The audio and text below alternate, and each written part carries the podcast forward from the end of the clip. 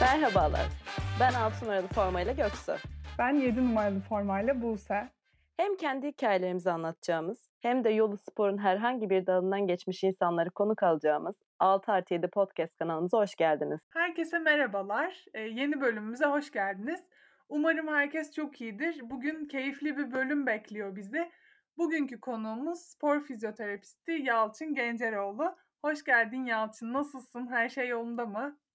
Öncelikle herkese selam, hoş bulduk. Her şey yolunda, teşekkür ederim. Böyle bir platformda şans bulduğum için ben de mutluyum. Ee, eğer sen de hazırsan yavaştan sohbetimize başlayalım istiyoruz. Tabii ki de bekliyorum. Ee, bize kısaca kendinden bahseder misin? Şu an nerede çalışıyorsun? Ne zamandır bu sektörün içerisindesin? Ee, Şu an e, İstanbul Caddebostan'da bir spor kliniğinde spor fizyoterapisti olarak e, çalışıyorum. Daha çok sporcu kitlemiz e, triatletler, koşucular, bisikletçiler. Onun harici e, tüm branşlarla alakalı e, sporcular bize geliyor. E, Genel olarak böyle. Peki fizyoterapist olmayı neden seçtin ve eğitim sürecin nasıldı? Şimdi şöyle e, aslında temel e, isteğim sporla iç içe bir yapıda olmaktı. Yani bu sporla iç içe olma kısmında tabii ki de öncelikli hedefim sporcu olmaktı. Sonrasındaki süreçte klasik Türk aile yapısına takıldım. E, spor yapma ne yapacaksın döngüsünde ilerledik biraz. E, sonrasında baktım ki gerçekten beni mutlu eden, mutlu hissettiren kısım spor. E, normal lisans eğitimim esnasında da hani spora dair ne yapabilirim? Hani beni gerçekten mutlu edecek e, şey nedir sorusunu aradığımda yani sporun içinde olmak buldum. O yüzden sporla alakalı işte spor hekimi olabilirdim, e, sporcu fizyoterapisti olabilirdim ya da antrenör olabilirdim. Biraz da işin manevi kısmı, biraz da işin daha detay kısmını e, sevdiğim için sporcu fizyoterapistliğine odaklandım. Aslında üniversitenin ilk yılında buna puanım yetmiyordu. O noktada yani radikal bir karar verecektim ya böyle mühendisliğe kayıp tamamen burayı artık bıraktım gibi. E, bir seneden bir şey olmaz dedim. Tekrardan e, başvurdum tekrardan çalışmaya başladım. Sonrasında da ikinci senede İstanbul Medipol Üniversitesi'nde fizyoterapi ve rehabilitasyon bölümünü tamamladım. E, fizyoterapi ve rehabilitasyon bölümü 4 senelik bir eğitim. E, 4 senenin sonunda daha çok 3. sınıfın sonunda artık alanın böyle kabaca belli olmuş oluyor. Ona yönelik çalışmalarla başlıyorsun. İşte pediatri, nöroloji, ortopedi e, ve pulmoner gibi böyle çok fazla aslında alanı var. Bizim kısmımız sporcu rehabilitasyonu, ortopedik rehabilitasyon iç içe geçiyor. Biraz önce şeyden bahsettin. Sporu sevdiğim için aslında sporla ilgili bir meslek yapmak istiyorum. Ve bunun için de bir yıl bile tekrar sınava girip hazırlanmayı göze almıştım dedin. Bence ne istediğini bilmek çok önemli bu noktada. Ama ne istediğini bilebilmek için de birçok şeyi denemen de gerekiyor. Ben de aslında lise döneminde fizyoterapi veya işte sporla alakalı bir şey mutlaka okumalıyım diye düşünüyordum. Ben de işte sayısal bölüm okuduğum için büyük ihtimal işte fizyoterapi olabilir veya işte diyetisyenlik olabilir gibi düşüncelerim vardı. Ee, özellikle fizyoterapi daha çok hani benim ilgimi çekiyordu diye düşünüyordum. Ee, ta ki e, bir gün aslında Ege Üniversitesi'ni ziyaret edip bir fizyoterapistin yanında bir gün geçirene kadar aslında o gün gerçekten benim için çok zor bir gündü. Hem çok ağır vakalara denk gelmiştim hem de aslında kendimi orada hiç hayal edemediğimi gördüm. Yani kendi dünyamdaki o fizyoterapi kavramıyla gerçekteki çok farklıydı. Belki tabii ki hastanede olduğum için de olabilir ama yine de kendime uygun olmadığını çok iyi anlamıştım. O yüzden kendin için neyin doğru olduğunu belki de deneyerek e, bulmak da önemli. E, o yüzden iyi ki bence bir yıl daha bekleyip aslında istediğin yolu tercih etmiştin.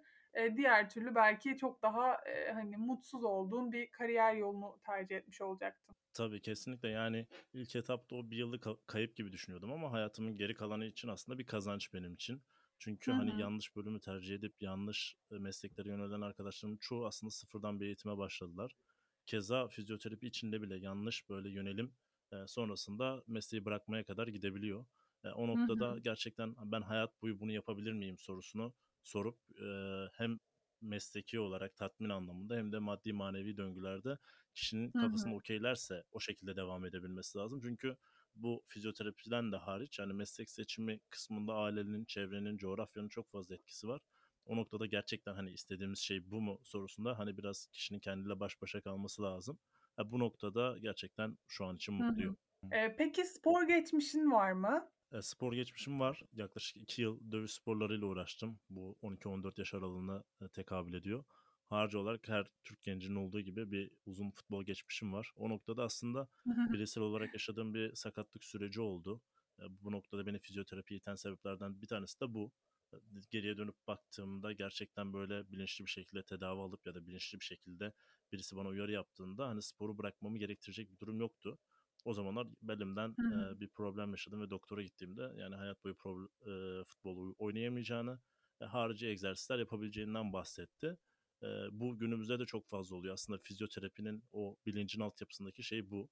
Yani sporcuların e, böyle e, sporu bırak mentalitesiyle değil, rehabilitasyonla, egzersizle, manuel terapiyle bu farklı opsiyonları kullanarak spora dönmesi.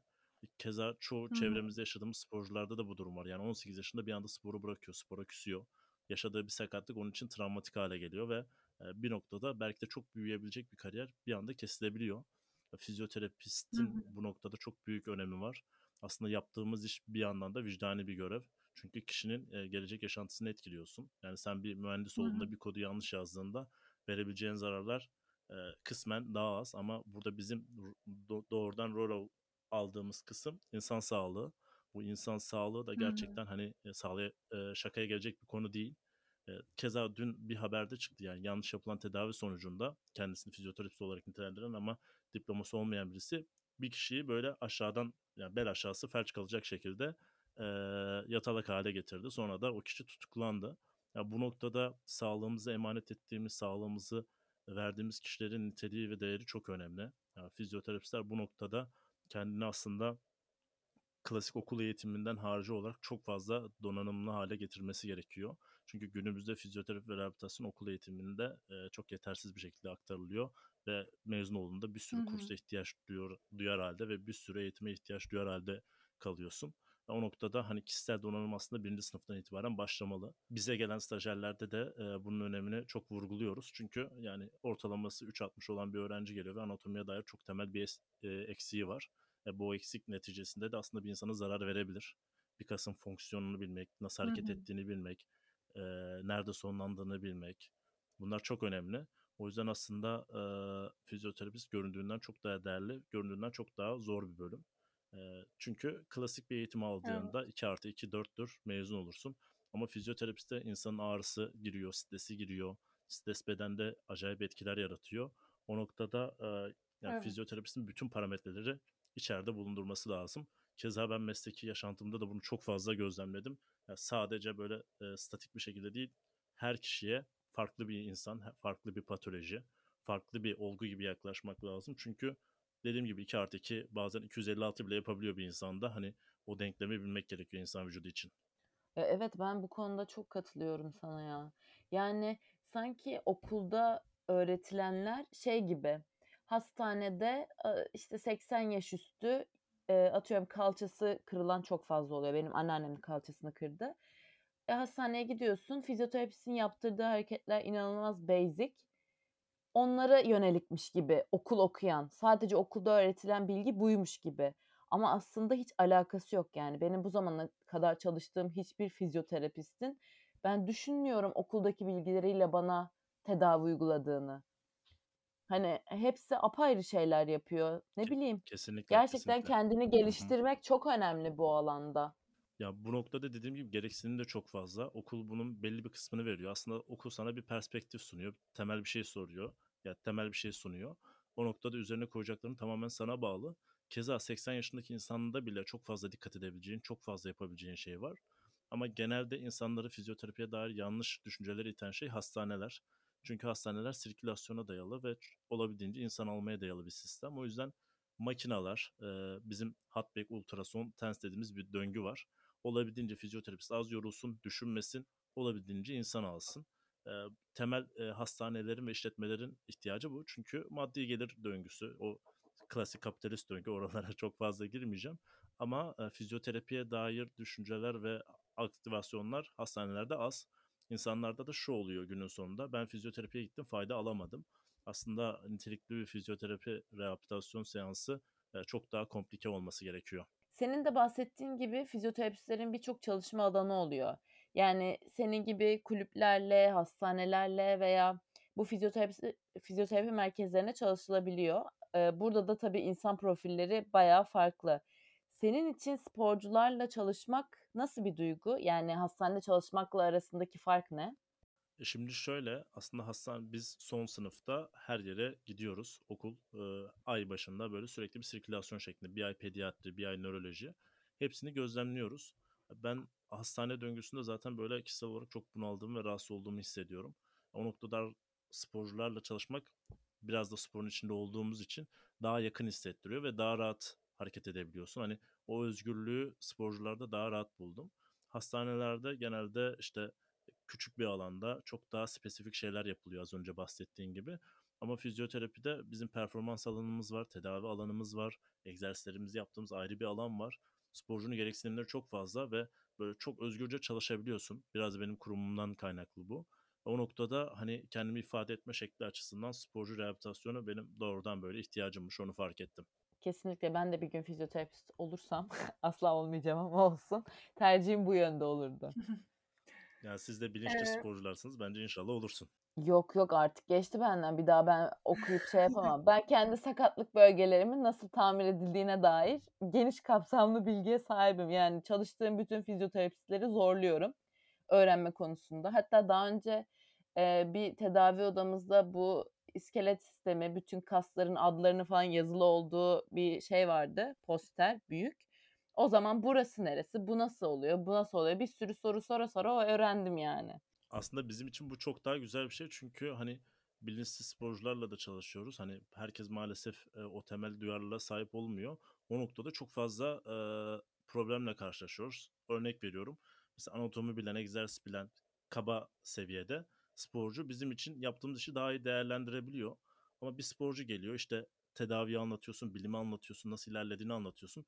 Günün sonunda diyor ki ben hacamat yaptırdım ve orayı iyileştirdim diyor. Sen de hoppala deyip başa dönüyorsun böyle. Kendi içinde sistemlere geçiyorsun.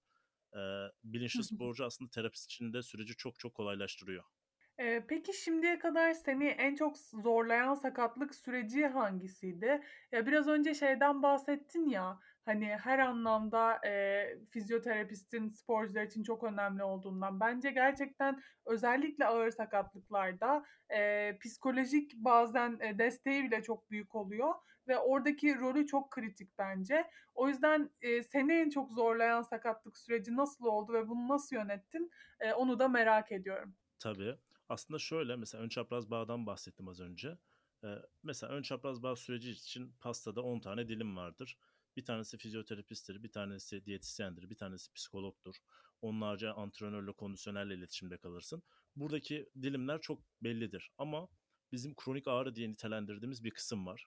Ee, kişinin 6 aydan uzun süren e, ve daha çok kas iskelet sistemine dayalı e, rahatsızlıkları ya da bulguları diye söyleyeyim. Kronik ağrıda da aslında e, bir dokuda bir şey vardır evet ama bunun içine stres girer, travmalar girer, harici olarak yaşanmışlıklar girer. O noktada aslında fizyoterapistlerin zorlandığı kısım kronik ağrı. Çünkü ön çapraz bağda ikinci haftada dizin kaç derece fleksiyona, ekstansiyona geleceğini bilirsin. Ne yapmayacağını bilirsin. Kırmızı çizgilerin bellidir. Ama yaşadığım bir örnekten bahsedeyim, bir sporcumdan bahsedeyim. Geçmeyen bir diz ağrısı vardı. Sonra geçmeyen diz ağrısının ilk etapta tamamen mekanik düşünüp işte şu açı, şu egzersiz, şu manuel terapi tekniği diye düşündüm. Sonrasında belli bir süre geçirdik ve hani tam verimli geçmedi. Sonrasında öğrendiğimde e, bu diz sakatlığının yaşama süreci babasının kaybına denk geliyor. Babasının vefatının üzerine geliyor ve oradaki ağrı, beyindeki ağrıyla o e, travma aslında eşleşmiş şekilde. Bu noktada hani bunu fark etmek, bunu sorgulamak ilk etapta bir fizyoterapistin aklına gelmiyor. Çünkü çok temel seviyede işte kas, iskelet, hareket diye düşünüyoruz ama insan vücudu maalesef öyle değil. Bir örnek daha vereyim. Mesela donuk omuz dediğimiz bizim bir patolojik bulgu var. Donuk omuz, omuzun işte belli açılarda kısıtlanması, ağrı yaşaması gibi. Mesela bir çalışma yapılıyor. Yaklaşık e, %60 ya da %70 diye hatırlıyorum. E, boşanmış kadın bireylerde donuk yaşam, donuk omuz yaşanma ihtimali %60, %70 civarında oluyor. Aslında baktığımız zaman hani strese kaynaklı, travmaya bağlı çok fazla şey yap- yaşıyoruz. Böyle spesifik olarak da bunları yaşadığım birkaç sporcum var. Sonrasında psikolog, psik, gerekirse psikiyatri süreci devreye girdi. Ve o noktada süreç aslında çok çok uzadı. İnsanlara da bunun bilincini aktarmak lazım. kronik ağrı diye tanımladığımız bir şeyde geliyorsa insanların bir seansta, iki seansta beklentisi olmamalı. Benim de genelde zorlayan kronik ağrı oluyor ama bir yandan da hoşuma gidiyor çünkü insanın böyle kompleks bir varlık olduğunu görüyorsun. Keza geçen de de yaşadığım bir olayı tekrar aktarayım. Çünkü ben sporcu şeyi hikayesi çoktur anlat anlat bitmez. Geçen de bir e, futbolcuyla beraberdik. Yaşamış olduğu süreçten bahsetti. Yeni bir transfer ihtimali vardı ve yüksek bir sözleşmeyi imza atacaktı. O noktada geçmeyen bir sakatlığı vardı ve bunun yarattığı stres ve kaygı aslında ağrısını artırıyordu. E, temel olarak iyi seviyedeydi fakat stres ve kaygısını yönetemediğinden dolayı geceleri işte uyuyamıyordu, sonra sabah kalkamıyordu, beslenme düzeni bozuldu, anksiyete seviyesi arttı, var olan ağrı tetiklenmiş oldu. İşte sporcuya böyle baktığın zaman aslında onun tedavi olması lazım ama bir yandan da maddi kazancı o. Hızlıca dönebilmesi gerekiyor. İşte diyor ki ben bu maça çıkacağım diyor, ben bu firma alacağım diyor, gerekirse sakatlansın diyor. İşte o noktada çok kritik bir süreç e, fizyoterapistin elinde. Bazen hani e, riski de sporcuya sunup bak böyle bir riskin var kabul ediyorsan oynayabilirsin. Ama işte ön çapraz bağın kopabilir ya da ön çapraz bağın yırtılabilir ya da farklı bir problem yaşayabilirsin gibi. Ve sporcuyla da çok iyi iletişimde olmak gerekiyor. E, fizyoterapist olmak, diyetisyen olmak, aslında psikolog, psikolog olmak, spor psikoloğu olmak biraz daha fazla sosyal zeka gerektiriyor. Çünkü sadece iş yapmıyorsun, insan psikolojisiyle ilgileniyorsun, bedeniyle ilgileniyorsun, onun sosyal yapısını gözlemliyorsun. O yüzden aslında e, sosyal zeka normal e, IQ diye bahsettiğimiz kısımdan çok daha fazla olmalı bu tür mesleklerde. Kesinlikle öyle. Yani insanı bir süre sonra bence siz karşıdan bakıp tanıyorsunuz. Ya da bir kişiyle temas halinde oldukça onunla 2-3 seanstan sonra ağrısının ne derece doğru lanse edildiğini de anlıyorsunuzdur bence. Yani kesinlikle mesela ağrı eşiği de çok önemli. Bazı insan mesela son evreye gelene kadar ağrısı hissetmiyor ya da söylemiyor. Bu noktada bazı insan da çok fazla kırılgan yapıya sahip olabiliyor. Bu noktada aslında onun daha fazla mental olarak desteğe ihtiyacı olduğunu, mental olarak limitlendiğini, bazısının ise fizyolojik limitlendiğini görebiliyorsun. Yani e, aslında biz değerlendirmeye aldır, aldığımızda da bir yerden sonra bu çok seri şekilde gerçekleştiği için kafamızda ort, oturuyor. Ya yani şunun ihtiyacı bu, bu noktada bu yapılmalı. Aslında bu bunda daha fazla ihtiyaç diye kafamızda sınıflandırma yapıyoruz. Ama dediğim gibi mesela kronik ağrıda stres seviyesi normalde psikoloğun belli görev tanımı var. E, fizyoterapistin görev tanımı var, diyetisyenin görev tanımı var. Multidisipliner yaklaşım çok önemli. Yani doktor krem hap verip yollamayacak, fizyoterapiste yönlendirecek fizyoterapist bir şey gözlemlediyse bu süreçte diyecek ki sen bir spor psikoloğuyla çalış. O noktada spor psikoloğu da destekleyecek. E, ve bu noktada tam verim olacak. Diğer türlü yani kişiyi müsabakaya çıkarabilirsin ama 3 maç sonra tekrar patlıyorsa bizim tabirimizde o noktada aslında sen rehabilite etmemiş oluyorsun. Sen geçiştirilmiş oluyorsun. E, bu şeyleri çok detaylı bilmek lazım aslında. Çok kompleks bir meslek. Yani kesinlikle sporcuların hayatında çok çok önemli yeriniz var.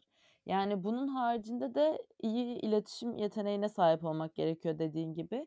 Peki Hı hı. sence bir spor fizyoterapistinin olmazsa olmaz özellikleri var mı? Varsa neler? Önce az önce bahsettiğim gibi aslında kesinlikle iletişim yeteneğinin çok iyi olması lazım. Bazen çok geleneksel bir tedavi yapsam bile sporcu sana güveniyorsa, sana olan e, teslimiyete daha fazlaysa e, tedavi verimin çok daha fazla oluyor. E, iletişim yeteneğinin harici sürekli güncellenmen lazım. Yani 2022'de bir makale çıkıyor aslında senin klasik yaptığın egzersizin çok da faydalı olmadığını söylüyor. O noktada çok statik hoca olmamak lazım. Yani bu, bu, bu böyle iyileşir değil de harici yöntemler olabilir.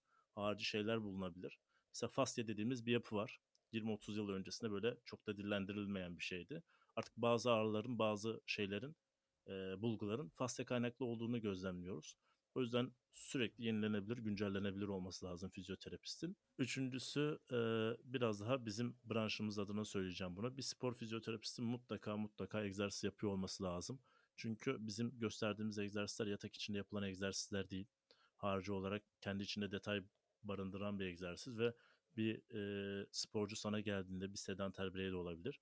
Seni fit görmek zorunda. Yani bu maalesef ki zorunluluk. Çünkü dış görünüş en büyük önyargıları oluşturan bir şey. Özellikle spor fizyoterapisti adına. Yani sen bir sporcunun o egzersizi gösteremiyorsan yani diyor ki ben doğrusunu görmedim ki nasıl yapacağım diyor.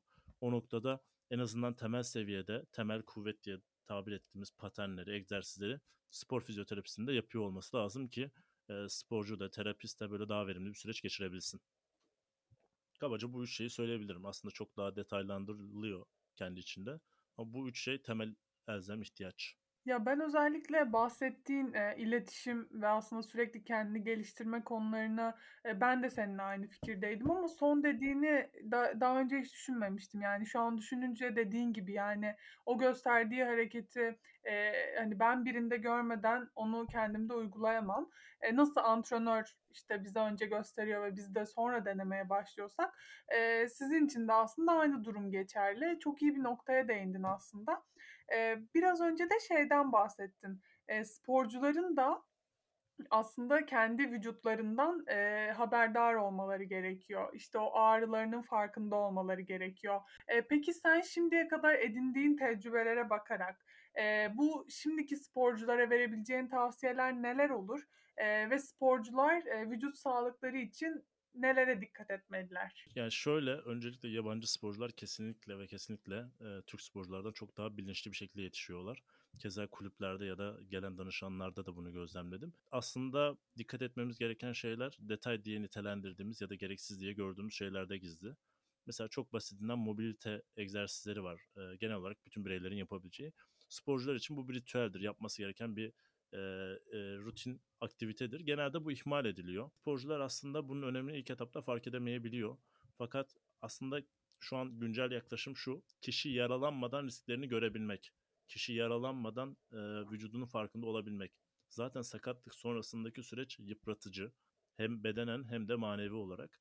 Kişi herhangi bir bulgu yaşasa bile ben danışanlarıma da sporcularıma da söylüyorum. Yani ufak bir ağrı, ufak bir gerginlik, ufak bir hassasiyet. Aslında vücut sana uyarıyı veriyor. O noktada birincisi kesinlikle vücutlarına farkındalığı yüksek olacak. İkincisi detaylara daha fazla önem verecek. İşte ben iki saat az uyusam daha ne olabilir ki? İşte ben e, su tüketimimi azaltsam ne, ol, ne olur ki? Yani ben e, mobilite egzersizlerimi yapmasam ne olur ki? İlk etapta bir günde bir şey olmaz, iki günde bir şey olmaz. Ama bu mentalite meselesi aslında biraz da disiplinli olması lazım sporcunun. Bunları bir zorunluluk gibi nasıl susuyorsun ve su içiyorsun, nasıl gündelik olarak aktiviteni yapıyorsun. Bu da senin için elzem ihtiyaç. Bunlara dikkat etmen gerekiyor. Ee, son olarak da şunu söyleyebilirim. Genelde sporcularda işte e, ne diyorum ben vücuduma dikkat ediyorum, bunları yapıyorum ve sonrasındaki ritüellerde de sahaya çıkıp performansımı sergiliyorum. Sürekli ve sürekli güncel olması lazım. Yani ben sporcu gelip benim tedavimi de sorgulayabilmesi lazım. Gelip sonrasında antrenörün antrenmanını da sorgulaması lazım. Aslında sporcunun da kendi içinde bir şeyleri detaylandırması lazım. Çünkü ya birisi beni puşlamazsa işte hocam bunu neden yapıyoruz ya da bunun daha iyisi var mıdır? Ben 24 saate recovery olmak istemiyorum. Bunu 12 saate ya da 18 saate nasıl indirebiliriz gibi sorularla gelirse hani benim için de karşılıklı verim süreci daha ilerler. Diğer türlü e, sorgulamayan bir sporcu da aslında beni konfor alanında tutar. E, bu karşılıklı iletişimde bence çok önemli. Hı hı. Detaylara önem verip aynı zamanda evet. e, farkındalığı da yüksek olması gerekiyor bence bir sporcunun. Ya mesela bundan e, bir 4-5 sene önce biz işte ısınmada stretching yani tut bekleydi hep. İşte şu hareketi yaparken tut bekle. Hı hı. Hatta ben çok iyi hatırlıyorum. Yuvarlak yapıyorduk. Her hareket için biri sayardı işte 20 saniye 30 saniye neyse. Sonra mobilite denen bir şey çıktı. Yani tabii ki vardı da biz öğreneli 4-5 sene oldu diyeyim. Artık stretching diye bir şey yok. Isınmada tamamen mobiliteyle başlıyoruz. Mobilitenin üstüne lastik, işte loop lastikler mesela çok meydana çıktı. Lastik yaparsın, mobilite yaparsın. Sonra tamamen dinamik, her şey e, mevkine yönelik çıkışa döndü yani. Gerçekten her şey bir anda çok hızlı değişiyor, dönüşüyor. Mobilitenin ne olduğunu bilmezken şu an mobilitesiz sporcu mobilite bilmeyen sporcu yoktur yani profesyonel anlamda bu işi yapanlarda. Bundan 10 sene öncesine kadar hani foam roller denilen bir şey yoktu ve çok e, sporcular tanımıyordu. Şu an mesela çoğu kulüpte artık foam roller var. Sporcular önce geliyor foam roller yapıyor, sonra mobilite yapıyor. Sonra branşa yönelik aktivasyon yapıyor. Sonrasında e, pozisyona göre aktivasyon yapıyor ki bir 20 yıl sonra 30 yıl sonra aslında bunlar da güncellenecek. Şu an bizim 20 yıl önceki fizyoterapi cihazlarına biz hani insanlar bunu nasıl tedavi edebiliyormuş bununla diyoruz. Şu anki cihazlarımız da 20 yıl sonra eskiyecek. E, o noktada kesinlikle sporcunun da terapistin de kulübün de e, güncel kalması lazım. Keza mesela Cristiano Ronaldo'nun o toparlanma sürecini paylaştıkları e, internete düşmüştü. Ya gerçekten onu o 38 yaşında, 37 yaşında o fizikte tutan şeyin altyapısında çok fazla detay var. Ve hani profesyonel seviyede Ronaldo olmak zorunda değilsin ama e, temel şeyleri yapman gerekiyor. Çünkü bu senin mesleğin. E, bundan para kazanıyorsun. Kazanmaya da bilirsin. Yani sedanter birey de olsan sen onun için vakit ayırıyorsan, senin gelişimine katkı sağlıyorsa neyi neden yaptığını bilmen lazım. Çok fazla detaya indiğinde problem yaşadığında zaten antrenörle, fizyoterapistle iletişime geçiyorsun.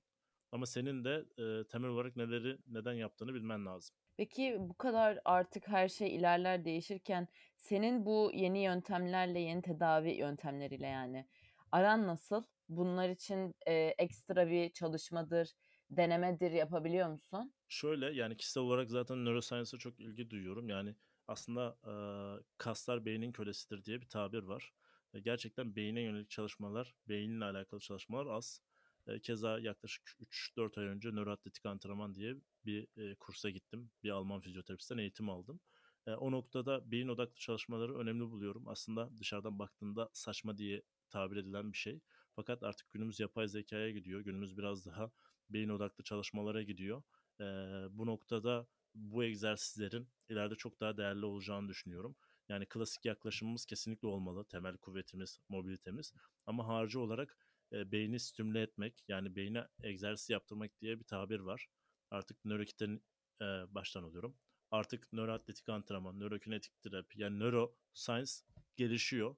E, keza bunun e, çok daha fazlalarını ileride göreceğiz ve farkımız daha da fazla olacak. Peki fizyoterapistlik kariyerinde bundan sonraki hedeflerin neler?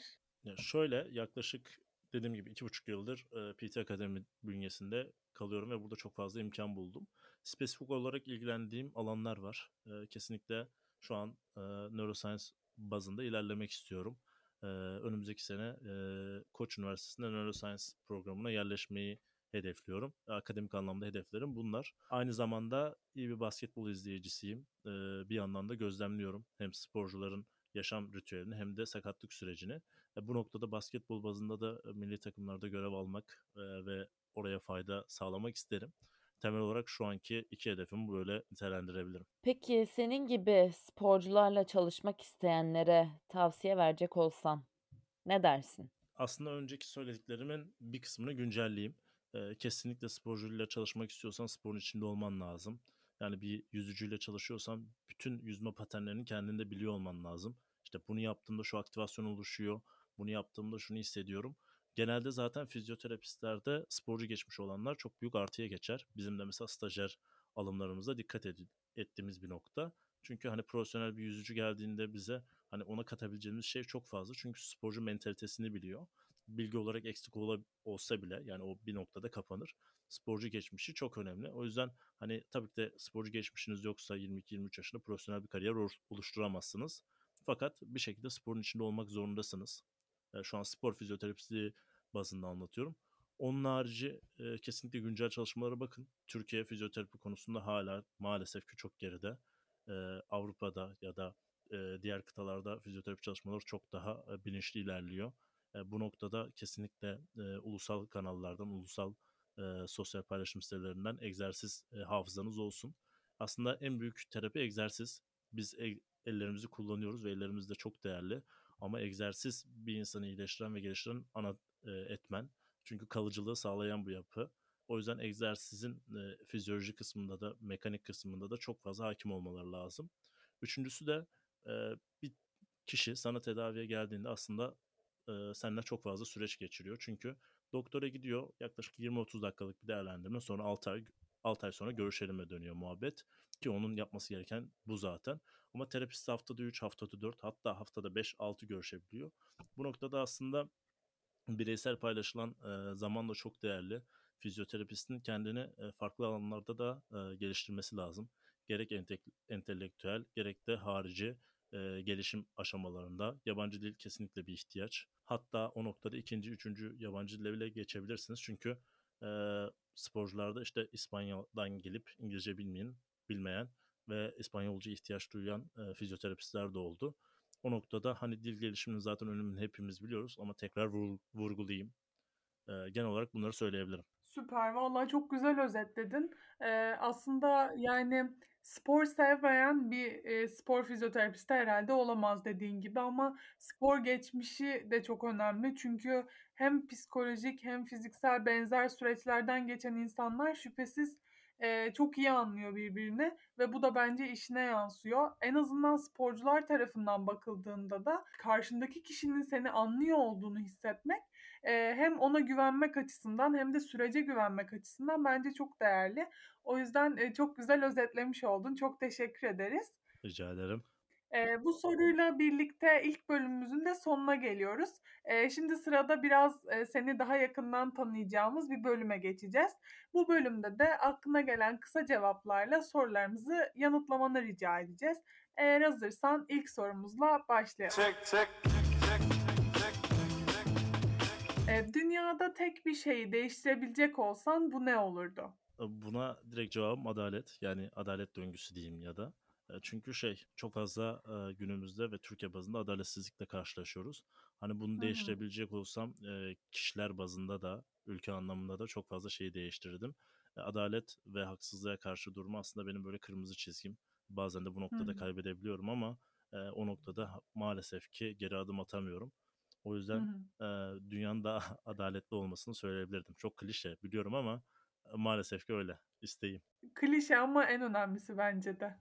Peki sıfırdan bir şey öğrenecek olsan bu ne olurdu? Bu aralar, eee, deli bir keman ve piyano üzerine böyle dinliyorum, izliyorum bir yandan da. Böyle aslında bu yetenekler böyle profesyonel anlama getirilmesi için çok küçük yaşta başlanması gereken yetenekler.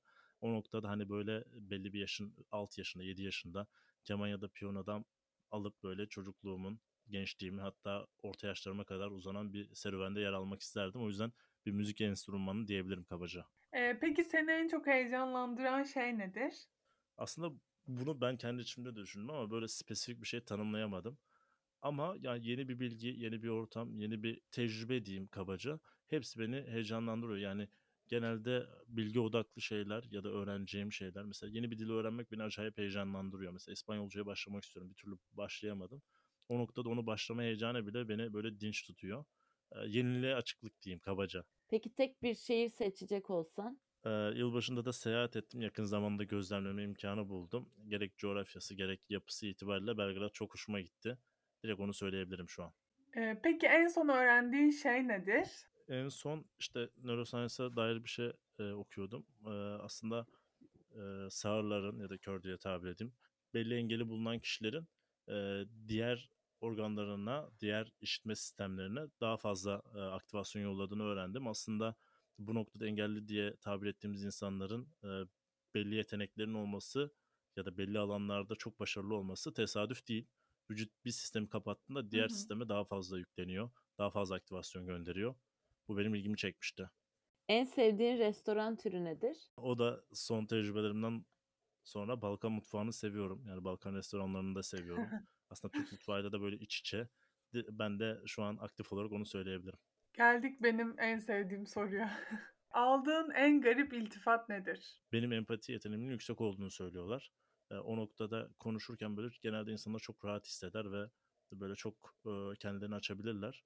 Ya, bu iltifatı çok fazla duyuyorum. Yani garip diye nitelendirebilirim bunu.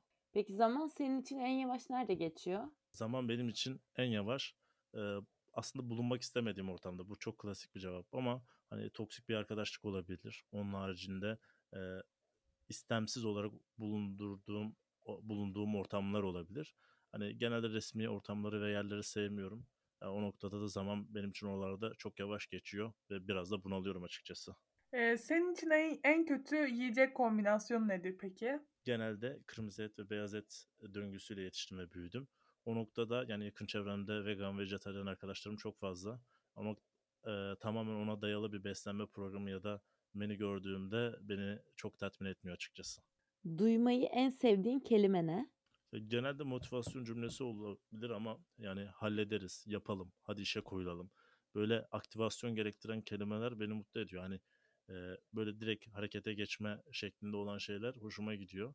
O noktada, hani, çözüm odaklı insanları da seviyorum. O kelimeler de beni tatmin ediyor. Gerçekten o kelimelerin böyle pozitif bir, eee, enerjisi de var bence de katılıyorum. Yüzünü her zaman gülümseten şey nedir peki? Buna mesleki bir cevap vereyim. Genelde mesela biz tedavi alıyoruz kişiye. Bir sonraki seansta işte nasıl hissediyorsun diyor. Genelde böyle ağrım azaldı ya da ağrım gitti tarzında bir cevap aldığın zaman tamam yani o gün manevi olarak böyle e, çok iyi hissediyorsun. Tabii ki de yüzüne de yansıyor ve iyi hissettiriyor, gülümsetiyor bize. Yalçın çok teşekkürler samimi cevapların için. Ee, eminim bu yolda ilerlemek isteyen birçok e, kişiye de bu bölüm yararlı olacaktır. İyi ki geldin. Çok teşekkür ederiz. Evet. Eline emeğine ağzına sağlık. Ben teşekkür ederim bu platformda yer ayırdığınız için. E, fizyoterapist olmak isteyenler ya da bu noktada belli e, soru işaretleri olanlar için de her zaman bireysel hesaptan yardımcı olabilirim. Evet, bugünkü bölümümüzün de sonuna geldik. Umarım keyif almışsınızdır. Yeni bölümlerde görüşmek üzere.